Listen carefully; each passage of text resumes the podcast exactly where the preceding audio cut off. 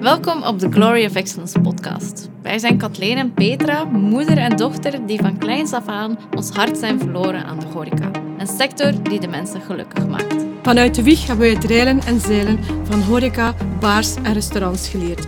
We kunnen niet wachten om deze kennis met zoveel mogelijk mede-horeca-liefhebbers te delen. Of het nu over ondernemerschap gaat, de specifieke behoeften van een professionele keuken of het ontvangen van gasten, op deze podcast kom je er alles over te weten. Voor onze eerste aflevering hebben we Hendrik Dierendonk, de bekendste slager van het land, uitgenodigd. Benauwerij werd er met de paplepel ingegeven bij Hendrik. Zijn vader opende in 1970 zijn eigen slagerij, die Hendrik in 2001 zou overnemen. Ondertussen opende hij zeven locaties, waaronder één restaurant, Carcas, en levert hij van- voor talrijke restaurants uit de Michelin-gids, zoals aan de restaurantroute van Sergio Herman Groep, Chambre Citaré van Kobe Desmaro. In 2011 won hij de prijs als beste ambachtsman van, en vandaag is hij ambassadeur van de Masters of Meat. En zet hij zijn missie voort om het traditionele beroep en de lokale vee in de kijker te zetten. Welkom Hendrik. Dank u wel. Leuk dat je er bent. Ik ben heel benieuwd wat ik allemaal vandaag extra te weten ga komen over jou. Merci. Dank u wel. Voor een extra verfrissing zorgen. Ja, ja. Mezelf ook bedienen, niet vergeten.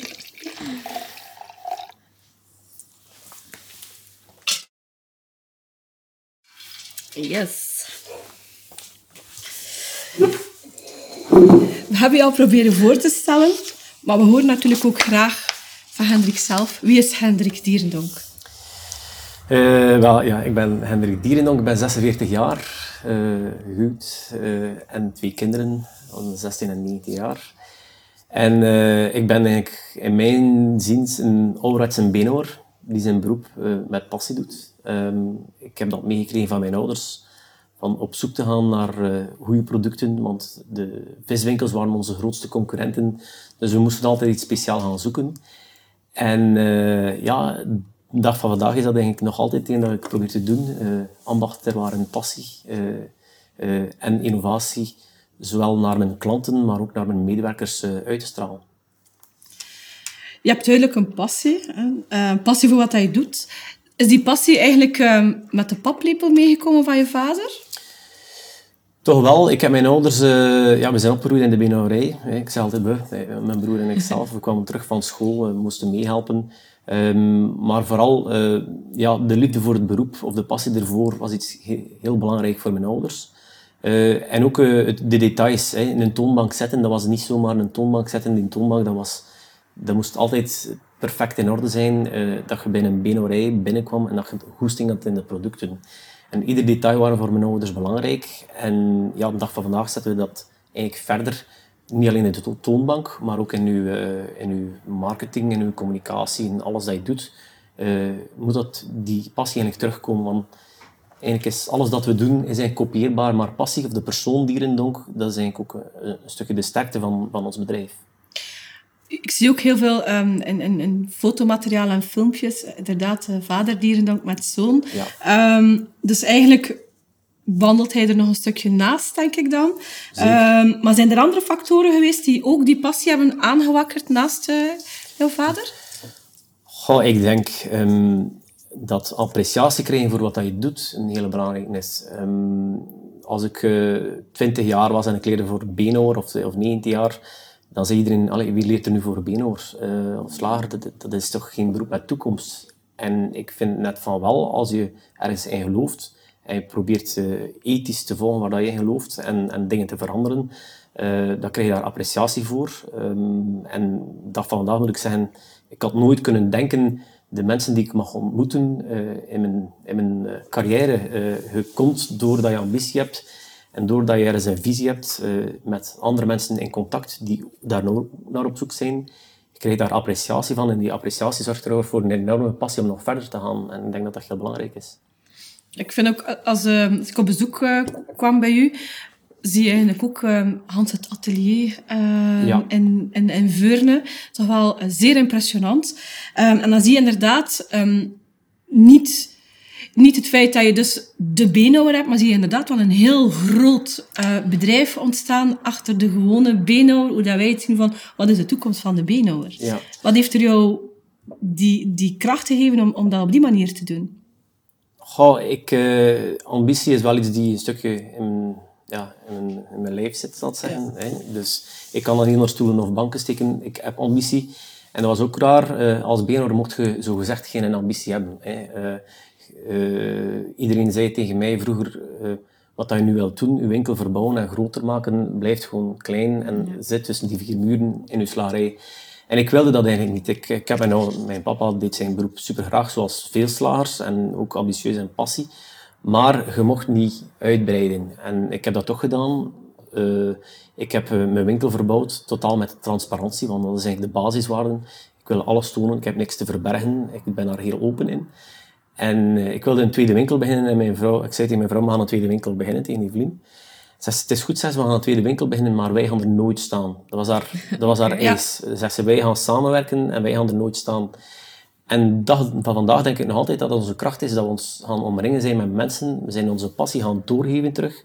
We zijn mensen gaan opleiden naar een soort... We zijn ze gaan coachen, ook met een coach gaan samenwerken. Waarbij je dan een draaiboek hebben van wat we eigenlijk willen. We hebben onze mission statement en we proberen die te volgen. Om dan die passie eigenlijk een beetje over te dragen. Ja, je, je kunt niet alles zelf doen. Dat is onmogelijk. En als je ambitie hebt, moet je leren afgeven en een stukje leren delegeren. Maar ik wil niet enkel dat alles gedelegeerd wordt op de manier dat ik wil. Ik wil dat mensen zichzelf kunnen ontplooien in mijn bedrijf. En zij zijn terug een ambassadeur voor dierendonk. Ja. En dat is het belangrijke eraan dat ik op mensen kan rekenen die, daar, die daarin volgen. En ik heb heel sterke mensen nu aan boord. Ja, ja dat is mooi. We zien ook wel, je bent gestart eigenlijk vanuit het flag, de flagship is in, is in Sint-Idiswald. Ja. Ondertussen zie je de vlekdierendonk, noem ik het. In ja. België ziet er al een vlek verschijnen. Um, ja, zoals Evelien zegt, we gaan er niet zelf gaan staan. Maar wat ik ook um, zie verschijnen, dat, dat het om concepten gaat, of concept met dan eigenlijk franchising dat je zou uh, opstarten. Dat is nu iets dat we mee bezig zijn, omdat ja, ik denk dat we niet onder stoelen of banken moeten steken dat iedere winkel dat je uh, opnieuw begint, is een, is een, ja, gaat er heel, enorm veel energie in, opleiding in. En in een groei van een bedrijf zie je ook dat iedere keer zo'n winkel investeren. Het is interessant van een goede partner te hebben die daarin meegaat. Ja. Het zorgt toch voor een, stukje vertrouwen. En we voelen ook dat er, dat, er, uh, ja, dat er mensen bereid voor zijn, dat er interesse is om zo'n franchising te doen. Um, we hebben een stukje een love brand. Hè. Ja. Mensen zeggen soms, je hebt een merk opgebouwd. Hoe dat ik dat gedaan heb, ik weet dat niet. Maar we hebben dat. passie? Hè. Ja, ja, passie, ja, passie voor het vak. Zeker. En, en, maar dat, alleen die passie, je moet de juiste marketing en connecties maken. En, en we zien nu wel dat we, dat we een soort love brand zijn, waar dan mensen achter de visie staan. Met een, met een visie van ambacht er waar een passie, zoals ik dus zeg. Die ambacht, we hebben een ambitie, maar die ambacht moet bewaard blijven de terroir uh, is heel belangrijk waar die dieren vandaan komen en hoe dat we dat met passie gaan verkopen. En we zien echt dat mensen ja, een deel willen uitmaken van de Dierdonk family, laat ons zeggen. Ja. En wat vind je dan juist het leukste aan jouw beroep? Of wat is het meest unieke? Goh, het meest unieke? Um, ja, ik denk dat ik uh, met ambitie uh, wil groeien, maar ook de juiste waarden dragen. Uh, die visie mag niet verloochend worden, want het is soms gemakkelijk. Ik zal niet onder stoelen of banken steken. Als je investeert in een nieuwe productieruimte, hebt het wel financieel moeilijk. Hè? En dan uh, komt de bank naar u en die zegt van, maar ja, we zien eigenlijk dat andere bedrijven in uw, in uw branche andere winsten maken, want zij kopen vlees goedkoper aan en ze hebben daar meer dus je moet heel trouw blijven aan je waarden en daarvoor vechten. En dan komt het daar sterker uit. En ik denk specialisatie ook. Uh, iedere slager dat vandaag, of veel slagers, zijn een soort versmarkt geworden. Ze hebben groenten, ze hebben fruit, uh, ze hebben brood, ze hebben alles. En ik heb er altijd voor gekozen om puur voor het vlees te gaan, omdat ja. ik vind dat ik daar al probleem genoeg mee heb om dat echt in orde te geven. Ja. Dus ik wil gewoon de lat hoger leggen naar de toekomst voor vlees. Ja. Je bedrijf is eigenlijk een familiebedrijf. Je hebt veel geleerd van je vader. Ja. Um, heeft hij dan echt alles geleerd? Um, ik denk dat mijn ouders wel de grootste basis, basissen gelegd hebben. Eerst en vooral de liefde voor het beroep en het ambacht. Ja. Hoe, hoe, dat je vlees gaat versnijden, hoe dat je daarmee omgaat. Uh, zoals ik zeg, die waarde van ik was 15 jaar En ik, uh, ik moest 's morgens werken en in de middag mocht ik gaan, gaan skateboarden Ja. zee. maar ik kwam s'avonds terug en eh, ik had mij in de morgen wel een beetje te veel gehaast. Ik had eigenlijk eh, ja, mijn benen niet mooi opgekuist en ik was wel slordig te werk gaan. Hij zegt, kijk, zegt hij, je gaat hem allemaal opkuisen. Om, je gaat dat doen uit respect voor het dier, uit respect voor de, de boer en uiteindelijk is dat waar wij van leven. En eigenlijk is nog altijd een hele belangrijke in die terroir, eh, wat dat we meenemen in waarden. En anderzijds van mijn, van mijn mama heb ik dat eigenlijk geleerd van die details. Ehm, we, ze zetten die toonbank mooi. En eh, ik, wij moesten met kerstmis een, een fles wijn halen om naast het vlees te leggen. En ik kwam ter- met een fles wijn en zei ze, ja, maar zei ze, naast goed vlees moet er een goed fles wijn liggen. Dus ik, ik moest een andere fles gaan halen. Dus alles dra- draait rond details en uw nammacht. Dus die combinatie ervan is die niet sterk gemaakt heeft. En dan daarnaast, ja, ik ben wel een beetje creatief. Ik ontwikkel graag nieuwe dingen.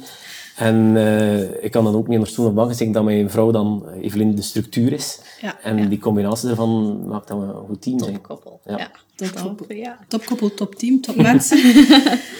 Heb je lang samengewerkt met mijn ouders? Want je hebt eigenlijk de binourij overgenomen. Heb je lang samengewerkt met hen? Ja, ja, mijn vader is blijven verder werken in de slagerij.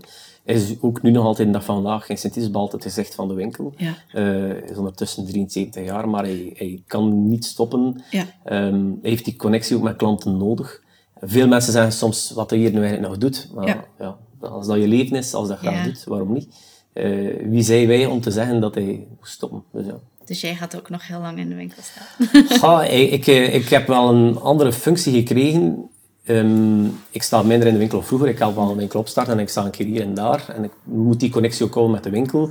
Maar het is meer dan dat. En ehm, ja, ik heb, ik heb eh, voor mezelf uitgemaakt, ik wil heel lang werken. Maar ik wil doen wat ik heel graag doe. En dat is uiteindelijk, eh, ik ontwikkel graag producten.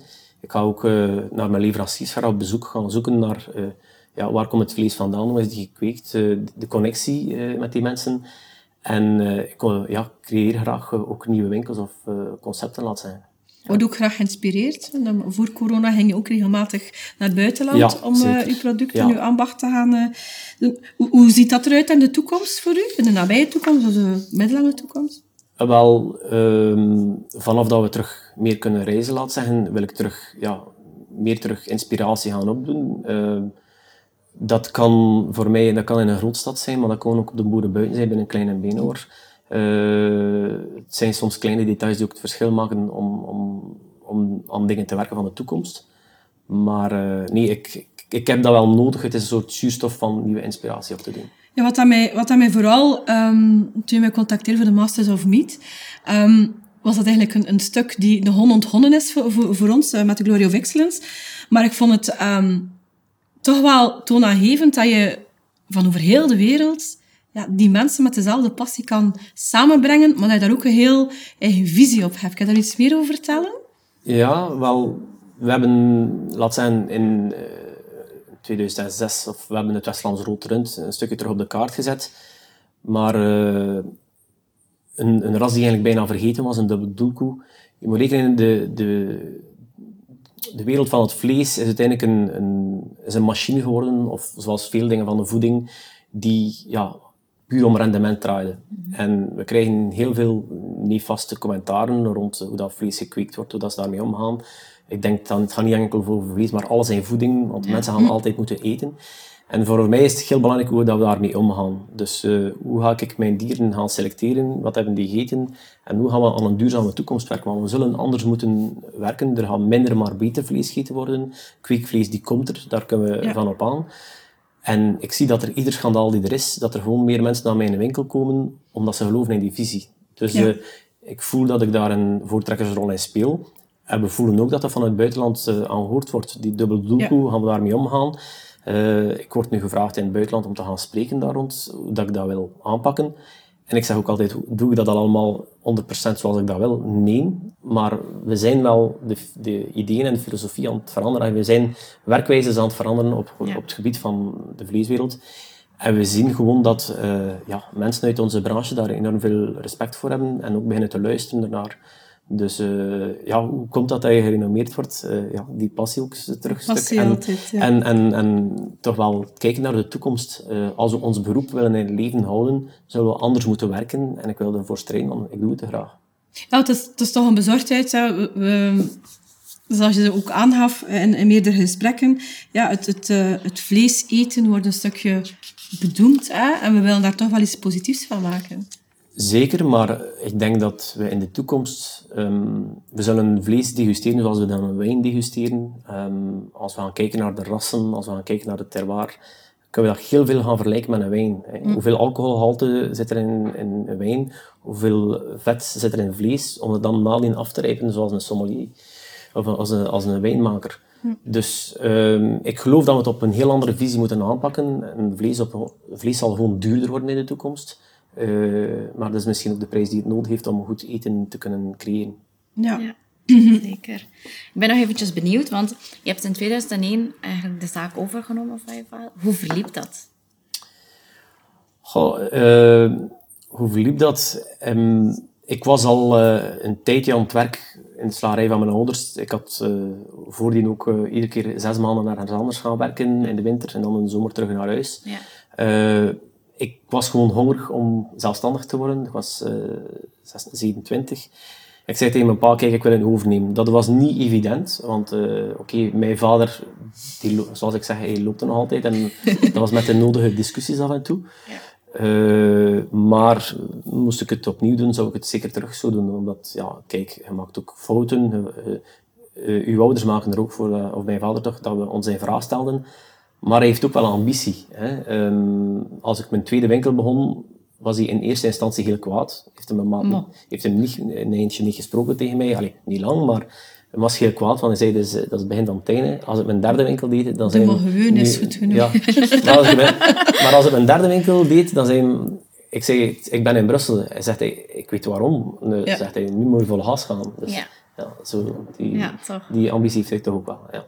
Maar hij blijft eigenlijk wel een kritisch klankbord. Zeker, eh, de meest kritische. Maar je leert daar ook iets van. hè?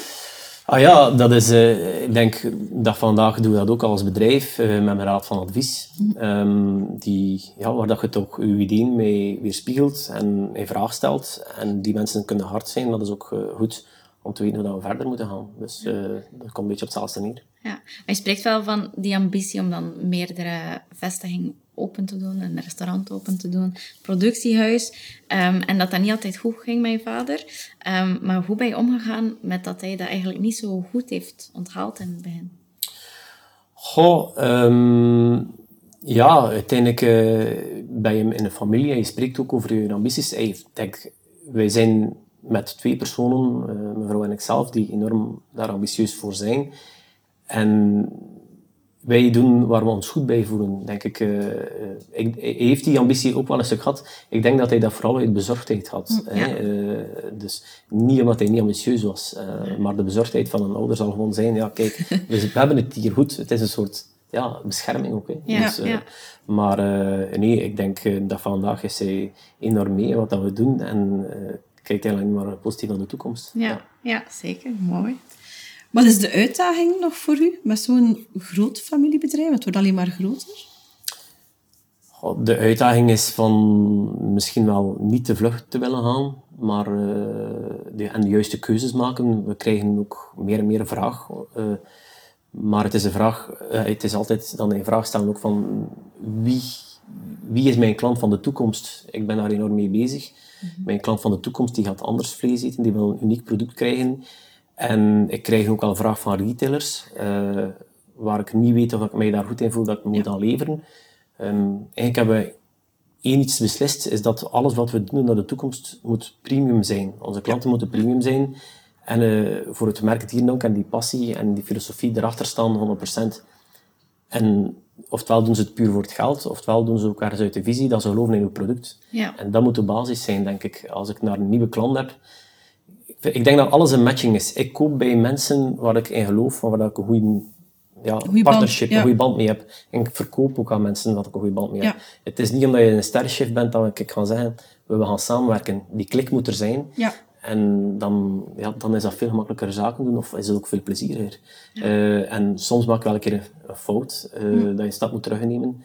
En denk, hoe ouder je wordt, hoe nuchterder je wordt. Dus, Dat blijft ondernemen, hè? Allee, ja. ja, dat is zeker, ja, ja. Ik zal dat wel een stukje nodig hebben, hè. Dus, Ja. eh, Ja, maar je hebt echt wel een, een, een ongebreide passie om, om, om je verhaal naar buiten te brengen. Je zit ook eh, heel sterk aan het groeien. Ehm, je hebt de yin en de yang thuis. Je zit met Evelien. Ehm, wat, wat doe jij eigenlijk om, om, om dat te kunnen blijven bewaren? Want het gaat toch snel, hè? We zijn in tien jaar tijd hè, toch heel wat verwezenlijkt, hè? Wel, ik zal niet onder stoel nog banken steken dat het, dat het bepaalde periodes ook enorm zwaar is. En je moet echt wel kunnen proberen ontsnappen en die tijd, de work-life balance te, te creëren. Ehm, vroeger hadden we een winkel, hey, hij sloot drie weken en wat drie weken van los verlost. Dat vandaag is het 24 op 24, 7 op 7 dat je ermee bezig Ja. bent. Ontsnappen is er niet aan, maar je moet dat wel proberen. Eh, ik sport wel, ik fiets graag, maar in andere tijden wel eens graag op reis natuurlijk. Maar ik denk, in een bedrijf is het vooral belangrijk van de juiste mensen te groeien. Eh, we hebben het laatste jaar enorm geïnvesteerd op het eh, middenmanagement. Ja. Iemand die de HR doet, wat we zelf... We, wij, wij, we zijn gegroeid uit een kleine BNR, wat wij alles deden. Dus je gaat eigenlijk je middenmanagement management gaan groeien. We hebben nu sinds kort een, een sales manager in dienst. En we voelen die rust wel komen nu Ja. Die voor mij, denk ik, eh, ervoor zal zorgen dat ik terug meer creatief kan bezig zijn. Ja. En die, ook, zoals ik zeg, ik wil lang werken, maar ik wil doen wat ik graag doe. En waar ik misschien wel goed in ben. Dus, eh, dus eh, de basis weet ik waar dat ik sterk in ben. Ik moet dat ook onderhouden. En ik ontmoet graag nieuwe mensen, zoals Ja. Dus, Ja. inderdaad, inderdaad. Maar oké, die creativiteit. ehm, creativiteit moet, moet, moet plaats hebben, maar creativiteit in een familiebedrijf?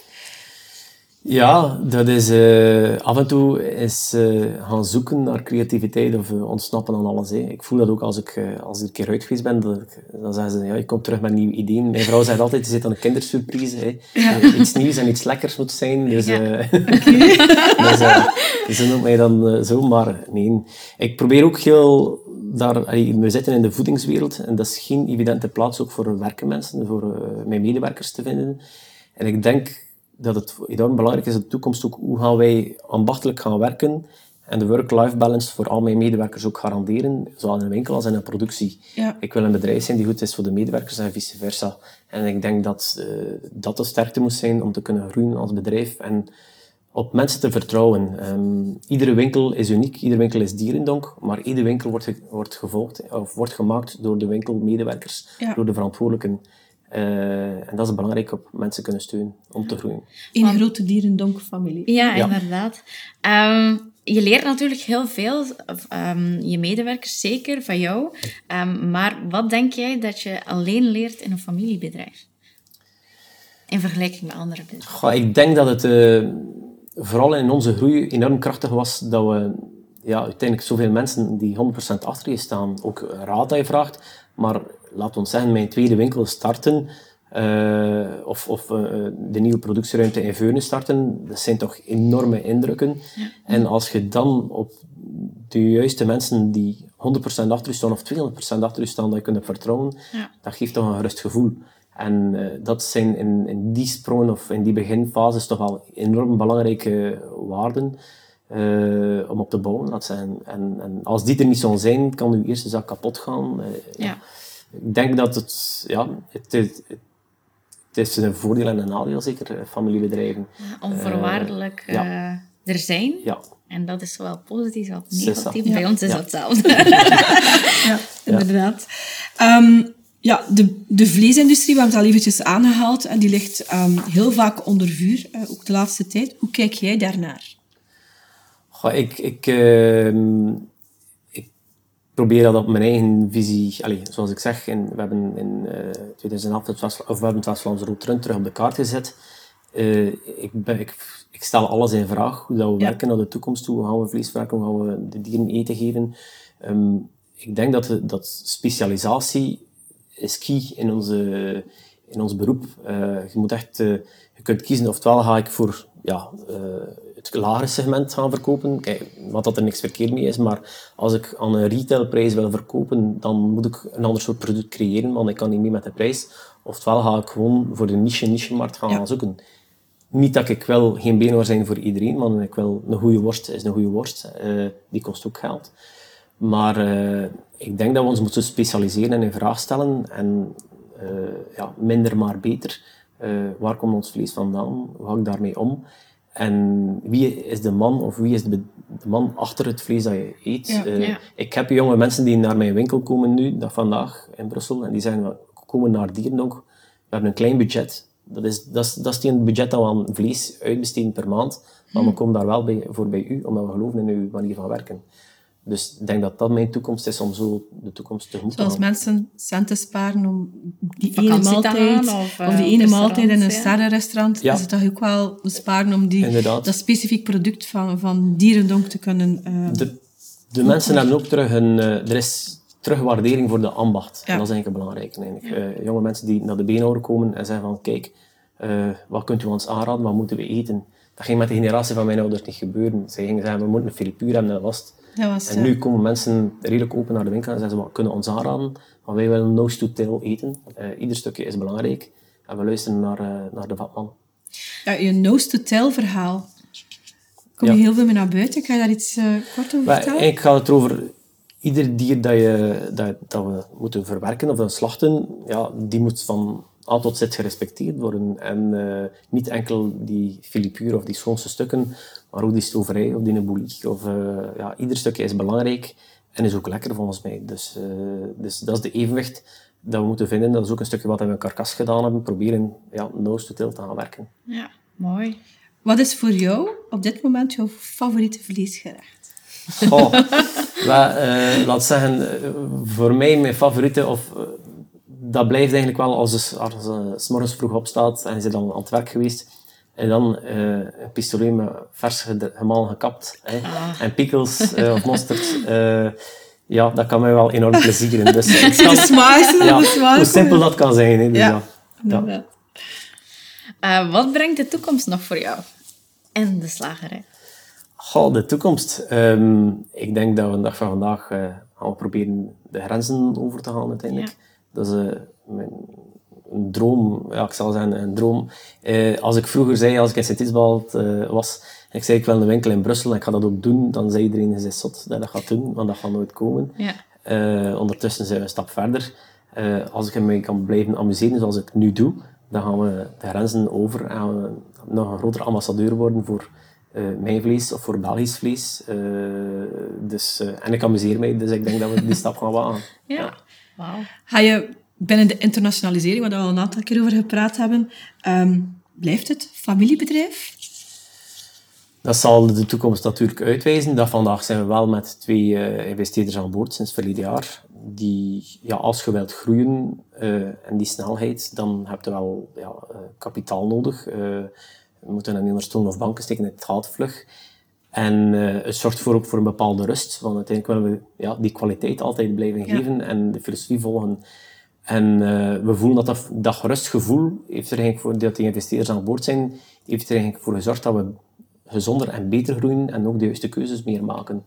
En dat dat heel belangrijk is. Ehm, we blijven wel, ja, we zijn hoofdaandeelhouder en het blijft een familiebedrijf. De toekomst zal uitwijzen als mijn kinderen ermee meegaan. Ehm, ze moeten vooral doen wat ze graag doen en Ja. dat zal de toekomst uitwijzen. Dus eh, Geen verplichting dus. Nee, zeker niet. Ik zou dat niet willen. Nee, nee. Dus, eh, maar eh, ja, ik zeg het, binnen tien jaar zullen we slimmer zijn en weten wat dat ze gaan doen. Hè. Ja. Ja. Ik wil je graag bedanken voor dit eh, zeer fijne ehm, interview. Dank u wel. Jullie bedankt. Ja.